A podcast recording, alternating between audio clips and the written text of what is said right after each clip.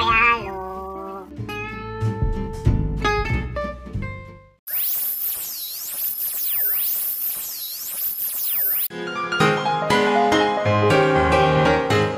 Hit Beast Seer vs. Sea Geek. Sziasztok, Ádám vagyok, én a Bradley, az Osztály Réme című könyvet hoztam. Ezt a könyvet Louis Sahar írta, aki 1954. március 20-án született New Yorkban. Első könyvét egyetemi tanulmányai alatt írta 1969-ben. Miután jogász lett, azután is gyermekkönyvekkel foglalkozott. Ezt a könyvet 1987-ben írta, és ez a könyv egy Bradley Charles nevezeti fiúról szól, akit az osztályban mindenki utál. Ezen szeretne változtatni az anyukája, és jön az iskolába egy nevelőtanár, aki ehhez el fog menni Bradley. Ugye az osztályába még egy új gyerek, Jeff, és neki mellé kell ülnie, és az osztályban mindenki csodálkozik, hogy ő mellé ül, de először barátkozni akar Bradley-vel, aztán barátok lesznek, de utána sokkal angyik lesz együtt. Nevelő tanára az első találkozásról szeretnék felolvasni. Itt vagyok, mondta köszönés helyett. Mit tetszik akarni tőlem? Kárla barátságosan mosolygott. Szervusz Bradley. Szólt és kezet nyújtott. Carla Davis vagyok. Nagyon örülök, hogy eljöttél hozzám. Már alig vártam, hogy megismerkedjünk. Bradley egy csúf, vénybanyára számított. Meglátta, hogy egy fiatal, csinos áll előtte. Fehér inget viselt, amit különféle színű, kacskaringos vonalak díszítettek. Ami a nő a kezét nyújtotta, ám ő elment mellette és leült a kerekasztalhoz. Kárla is leült szemben vele.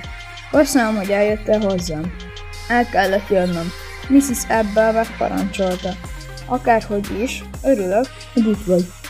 Könyvtárba akartam menni, jelentette ki. Véletlenül jöttem be. Nem hiszek a véletlenekbe, mondta Kárla. Bradley ezen fennakadt. Nem tetszik hinni a véletlenekben? Kárla a fejét rázta. És amikor kijönti az ember a tejet? Szereted a tejet? Kérdezett vissza Kárla. Nem, utálom. Vagy lehet, hogy szándékosan öntött ki. Kárla elmosolyodott. Azt hiszed, hogy véletlen volt, pedig nem. Bradley dühösen merett az asztalra. Úgy érezte, csapdába csalták.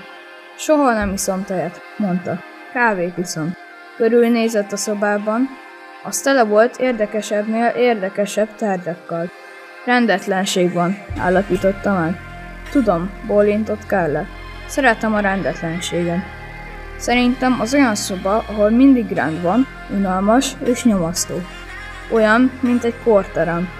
És nem tetszik büntetést kapni? Miért kapnék büntetést? Bradley erre nem tudott válaszolni. Azt viszont tudta, hogyha ez az ő szobája lenne, és ekkora rendetlenség volna benne, őt megbüntetnék. Nem csináltam semmi rosszat, fakadt ki. Mondta, hogy rosszat csináltál? Akkor miért kellett ide jönnöm? Úgy gondoltam, hogy jól fogod érezni magad, felelte Kárla. Reméltem, hogy sikerül összebarátkozni. Mit gondolsz, sikerülhet? Nem. Miért nem? Mert nem szeretem a tanárnőt. Én szeretlek téged, mondta Kárla. Ugye szerethetlek. Neked attól még nem kell szeretned engem.